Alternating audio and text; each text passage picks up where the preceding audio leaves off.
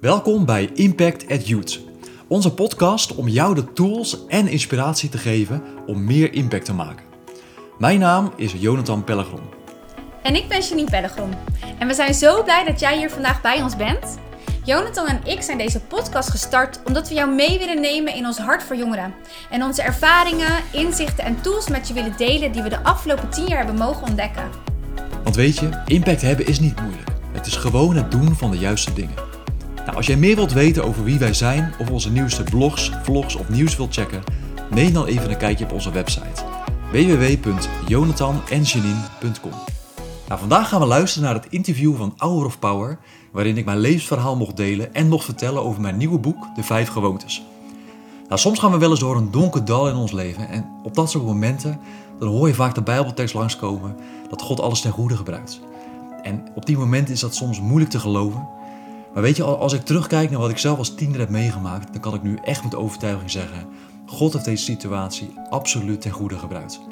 En dit interview was opnieuw zo'n moment waarop ik zo dankbaar was dat ik mijn levensverhaal met zoveel mensen mocht delen. En als ik daarna de reacties op een rijtje zette en, zag hoeveel mensen je positief hebben mogen inspireren, dan kan ik er eigenlijk alleen maar stil van worden. Maar genoeg hierover voor nu. Laten we naar het interview gaan en geniet ervan. En ik hoop dat het ook jou zal inspireren. Hij is jongerenwerker, spreker en schrijver. Schrijver van het boek De Vijf Gewoontes, daar gaan we het zo meteen op hebben. Uh, maar vooral heeft hij een hart voor jongeren aan de zelfkant van het leven. En uh, mijn gast vanmorgen is uh, Jonathan Pellegrom. Jonathan, van harte welkom. Dankjewel. wat ik erg indrukwekkend vond, is dat je als jongetje van elf enorm leed onder epileptische aanvallen. Wat gebeurde er? Hoe kwam dat? Nou, achteraf had ik al vanaf jongs af aan epilepsie. Maar rond, uh, rond mijn tiende tijd, toen ik 11 jaar was, toen kwam het er ook uh, overdags uit. En uh, het begon licht, alleen het begon dus steeds meer op te bouwen. Dus uiteindelijk had ik gemiddeld drie, vier epilepsieaanvallen per dag. En op het hoogtepunt zelfs zeven. Dus het was behoorlijk heftig. Ja. Hoe reageerden ze bijvoorbeeld als het op school gebeurde? Ja, ze vonden het best heftig om mee te maken dat gebeurde. Het scheelt wel dat je het zelf niet meemaakt omdat je natuurlijk buiten bewustzijn bent. Maar het is wel als elfjarig gastje al heel uh, heftig om mee te maken. Ja. ja. Uh, je komt uit een gelovig gezin. Zei je niet ja. van uh, God waarom? Ja, zeker. Ja, ik, er zijn natuurlijk veel mensen die voor je bidden. En in eerste instantie lijkt het alsof de situatie gewoon niet oplost, eigenlijk alleen maar slechter wordt. Dus dat, ja, dat is wel een worsteling waar je dan mee te dealen hebt. Ja. Maar als ik nu terugkijk, dan, dan zat je achteraf wel met die waarom-vraag. Van, weet je wel, waarom grijpt God niet in? Nou, gelukkig kunnen we natuurlijk terugkijken dat uiteindelijk God wel ingegrepen ja. heeft. Het is heel bijzonder. Vertel het uh, moment dat je hoorde dat je genezen was. Uh, in eerste instantie hadden ze een verkeerde diagnose bij me gesteld. Dus ze dachten dat ik aan psychiatrische problemen leed. Dus de hele behandeling was compleet verkeerd. En uh, ik weet nog goed, op een dag kwam ik toen bij een andere huisarts. En die, die stuurde me toen door naar een neuroloog. En toen kreeg ik in zijn kamer kreeg ik een epilepsieaanval. En die man schrok ongelooflijk. Want hij zag natuurlijk dat het steeds heftiger werd, dat het uh, zich opbouwde. Dus hij vermoedde dat ik een hersentumor had. Dus hij had me onmiddellijk door alle scans heen gehaald. En hij gaf me toen mijn allereerste pilletje, een medicijn, om echt op te bouwen. Dus een hele kleine hoeveelheid. En op de een of andere dag was het volledig weg. Wat ja. zei de neuroloog dan toen? Ja, eigenlijk elke keer als we bij de neuroloog kwamen was het hetzelfde. Dat hij zegt van ja, dit is medisch gezien onmogelijk. Maar ja, het, het werkt, dus laten we maar gewoon doorgaan. Ja. Dus die man had het nog nooit meegemaakt in zijn hele carrière. Dat is een wonder dus. Dat was echt een wonder, ja. ja. ja. Toen kon je verder, maar toen kwam de andere klap op je 14-jarige leeftijd. Ja, zeker. Ja, want twee jaar nadat ik zelf dus was genezen van de epilepsie, toen werd mijn moeder ziek, ook met epilepsieaanvallen. En uiteindelijk bleek zij dus wel een hersentumor te hebben en uh, was ze binnen een jaar overleden. Ja. Dus het was wel... Uh, een foto van haar, laat eens even zien. Ja. Heel jong, hè? 41. Ja. Dus ja, veel te jong. Ja. Ja? ja. Is het nog steeds pijn? Ja, dat soort dingen blijven altijd verdrietig. Ja. Ja. Dat alles resulteerde in uh, bij jou dat je een, een, een, teruggetrokken jongen werd. Nou, ik merkte eigenlijk, mijn manier om ermee om te gaan was eigenlijk alles diep wegstoppen. Dus eigenlijk had een soort beslissing gemaakt die ik mag zien hoe ik me voel. Ik zet een soort grote muren van panzer om je heen. En ja, het was, was eigenlijk een beetje dubbel. Want enerzijds heb je natuurlijk op zo'n moment heel veel behoefte dat mensen daar doorheen prikken. En eigenlijk gewoon dat stukje warmte of betrokkenheid geven wat je, wat je nodig hebt. En anderzijds was je er heel goed in geworden mensen heel veel van je af te duwen door middel van uh, afstandelijkheid of agressief gedrag. Ik uh, terroriseerde mijn eigen omgeving, verbaal geweld, fysiek geweld soms ook. Dus uh, wat klappen uitdelen, deur door midden trappen. Dus Je eh, ziet er zo aardig uit. ja, het is gelukkig goed gekomen. En zo heftig was je. Ja, ja. ja, de buitenkant zag een hele boze jongen, maar diep van binnen was eigenlijk gewoon heel veel verdriet. Ja. Wat op die manier uitkwam. Ja. Het was ook heel dubbel, hè, dat je ook denkt van waarom genees ik dan wel en je moeder niet. Dus dat, is- ja, dat zorgt best voor wat geloofsvragen. Dat je natuurlijk ook daarmee eh, samen met God dingen moet doorworstelen. Ja. Van, hoe zit dat nou? Hè? Eh, op een gegeven moment ga je naar Roemenië. Eh, een agressieve jongen met nog steeds de muren om zijn hart. En dan gebeurt er wat. Ja. We gingen met onze kerk om, om daar twee weken lang mensen te helpen met een speeltuintje bouwen en dat soort dingen. En op dat punt in mijn leven eh, liep ik eigenlijk heel erg tegen die agressie bij mezelf aan. Want ik had heel goed door dat ik dat steeds voelde en dat ik denk, ik kom er gewoon niet uit. Ik zit eigenlijk gewoon vast in die boosheid, in die agressie. En ik ging toen twee weken naar Roemenië en nou, echt op een tiener manier heb ik daar natuurlijk eh, de weken beleefd. Dus dat was, was heel mooi, maar ook een beetje, eh, had een beetje kattenkwaad uit en dat soort dingen. Maar er was wel wat gebeurd, want ik kwam toen thuis en ik weet nog heel goed het gevoel dat ik had toen ik in de auto zat bij mijn vader. Toen opeens realiseerde ik me van al die gevoelens van boosheid, van agressie, die waren opeens verdwenen. waren opeens weg. En ik merkte dat het daarna wel weer terug begon te komen. Maar dat zette me wel toen aan het denken dat ik dacht van wauw, ik heb twee weken gewoon serieus met, met geloof bezig geweest. En dat had dat effect op mij. In die tijd eh, kreeg je wel een passie voor jongeren aan de zelfkant van het leven. Je, je ging daar onder werken. Je werkte nog steeds onder. Je bent 31. Eh, wat, wat trok jou in, eh, in, in die rebelse jeugd? Nou, ik zie eigenlijk de jongeren die erachter zit, achter die, feite die muur. Ik ben natuurlijk zelf ook zo'n jongen geweest. En meestal zie je hoe meer eh, rotzooi iemand mee heeft gemaakt, hoe moeilijker de thuissituatie is, hoe erger dat externe gedrag is. En zelf in mijn tienertijd heb ik echt de waarde gezien van mensen die als het ware door dat panzer heen breken. En die zoiets hebben van, joh, ik ga me niet laten intimideren door jouw agressieve gedrag of door je afstandelijkheid, want ik zie wie jij echt bent en ik zie wat je echt nodig hebt. En ja, ook vanuit die passie wat ik zelf heb meegemaakt in mijn tienertijd, daar komt ook mijn hart vandaan om dat ook bij jongeren te doen. Ja. En ook specifiek de jongeren die dus ook gewoon aan de rand van de samenleving zitten, die in moeilijke situaties zitten. Zijn er genoeg, hè? Het zijn er heel veel, ja. Ja, het is een. Ja. Ja. Ik lees even een stukje uit je boek. En dat gaat dan beschrijf je je avonturen met jongeren. Ik denk nog vaak met een glimlach terug aan die tijd. Ik was jong, naïef en overenthousiast. Ik had een visie en een gedrevenheid om het verschil te maken. Maar wel ik overliep van bewogenheid voor elke jongen die ik tegenkwam, had ik eerlijk gezegd geen flauw idee wat ik ermee kon doen. Snel werd ik geconfronteerd met de rauwe straatcultuur. Ik kreeg bijna dagelijks te maken met bedreigingen, intimidaties, fysiek geweld richting mijzelf, mijn gezin of tussen de jongeren onderling. En als ik dacht dat er een echte relatie met de jongeren was ontstaan, werd de deur vaak weer dichtgegooid vanwege hechtingsproblemen of diep geworteld wantrouwen.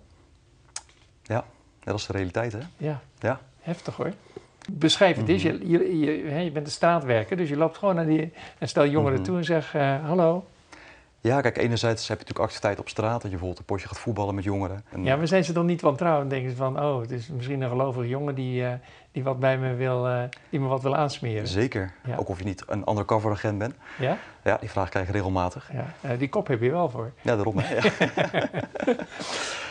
Alleen je ziet dat veel van dit soort jongeren gewoon ja, vaak met teleurstelling te maken hebben gehad in hun leven of een stukje beschadiging. Dus veel jongeren hebben te dealen met die hechtingsproblemen. Dus als je te dichtbij komt, dan duwen ze weer van je af. Dus dat is eigenlijk een beetje wel de dynamiek die, je, die ik al die afgelopen elf jaar terug zien komen. Dus eigenlijk, ja, in het begin stap je in met een soort messiascomplex. Hè? Dus je hebt zoiets van, ik ben hier om jullie te helpen en ik geef allemaal om jullie. En dan is het best wel moeilijk dat je met heel veel teleurstellingen en tegenslagen te maken krijgt. Ook zelfs met bedreigingen of, of dat soort dingen. Dus je moet ook wel op een punt komen dat je als het ware echt die, in- die innerlijke motivatie kan vinden van waarom doe ik dit nu Ja. echt. Eh, om als het ware echt lange termijn door te kunnen Ja. gaan. Is, eh inspireerde Jezus je? Want die ging ook altijd naar de mensen van, van de zelfkant van de maatschappij. Ja, zeker. Het voorbeeld natuurlijk dat hij eh, ook bewust naar mensen toe ging die uitgekotst worden door heel veel andere mensen. Voelen die jongeren zich ook uitgekotst en, en zijn ze daarom wie ze zijn? Het speelt denk ik wel mee. Je ziet wel, vooral binnen ehm, ja, meer wij- wijken waar hoop problematieken spelen, zie je vaak wel dat het, het beeld leeft van de hele wereld is tegen mij. En vaak als ze dan erachter komen dat het niet waar is, dan hebben ze al eh, Ja. zoveel schade in hun leven opgelopen. Met strafblad of, of dat soort dingen. Dat er ehm, ja, vaak geen weg meer terug is. Wat drijf je nou om te zeggen, dit, dit doe ik nu al elf jaar en ik blijf het gewoon doen?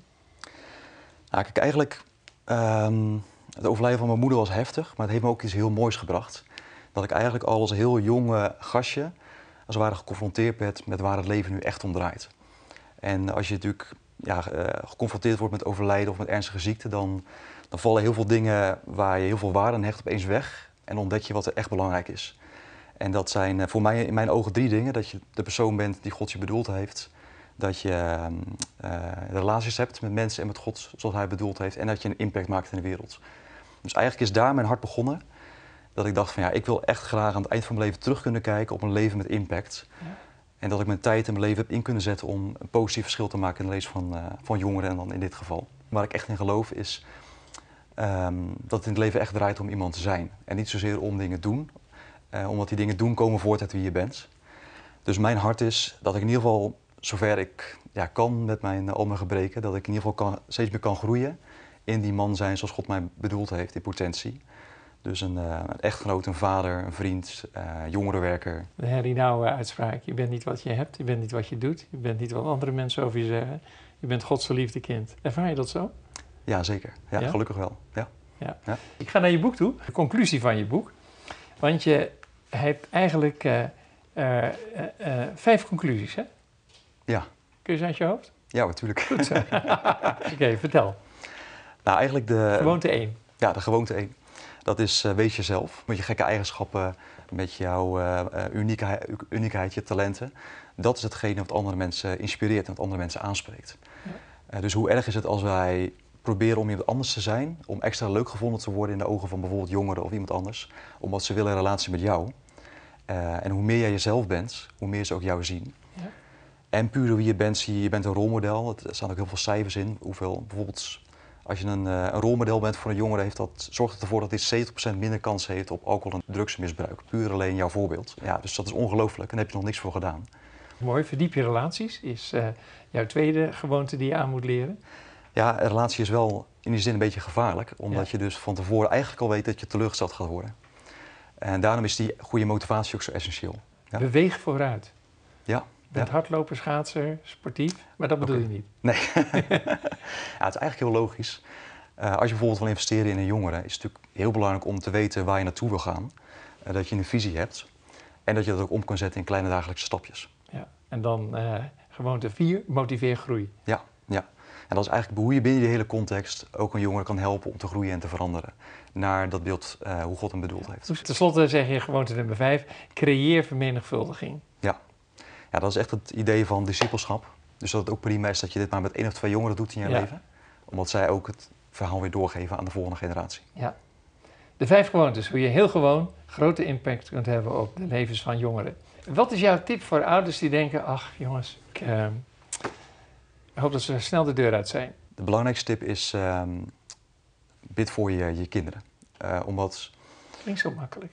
ja, maar dat is het natuurlijk niet. Oh. Nee, ben ik geval zelf voor. Maar ik merk van, ehm, als je zelf echt probeert eh, te, uh, te focussen van... hey, ik wil echt uh, die persoon zijn voor mijn kinderen of voor mijn tieners thuis. En je doet het ook samen in gebed met God. Je gaat echt op je knieën voor hun. Ja, dan maak je de wonderen mee. Omdat, um, ik heb zelf al mogen leren. Ik heb ook tijden gehad tijdens mijn jongerenwerk... dat je gewoon zo hard aan het werk was om die verandering teweeg te brengen... dat je soms bijna een beetje half opgebrand van werd. En God heeft me toen ook echt de les moeten leren van... hey, ook al zou je maar één dingetje per jaar in hun leven doen... Als, als je dat samen met mij doet, heeft dat veel meer impact dan dat jij je over de kop gaat werken. Dank voor je wijze woorden en tips. Je hebt al veel geleerd in die 31 jaar, vind ik. Ja, dankjewel. Ja. En laat je niet graag met lege handen weggaan. Ik citeerde hem net al. Mooi. Ja. Zet hem thuis lekker neer. Dat gaan we zeker doen. Ja, hè? wij leven in de, in de vaste tijd. Bobby Schuller, je kent Hour of Power, Mhm. die heeft een boekje geschreven, Follow the Rabbi, volg de rabbijn.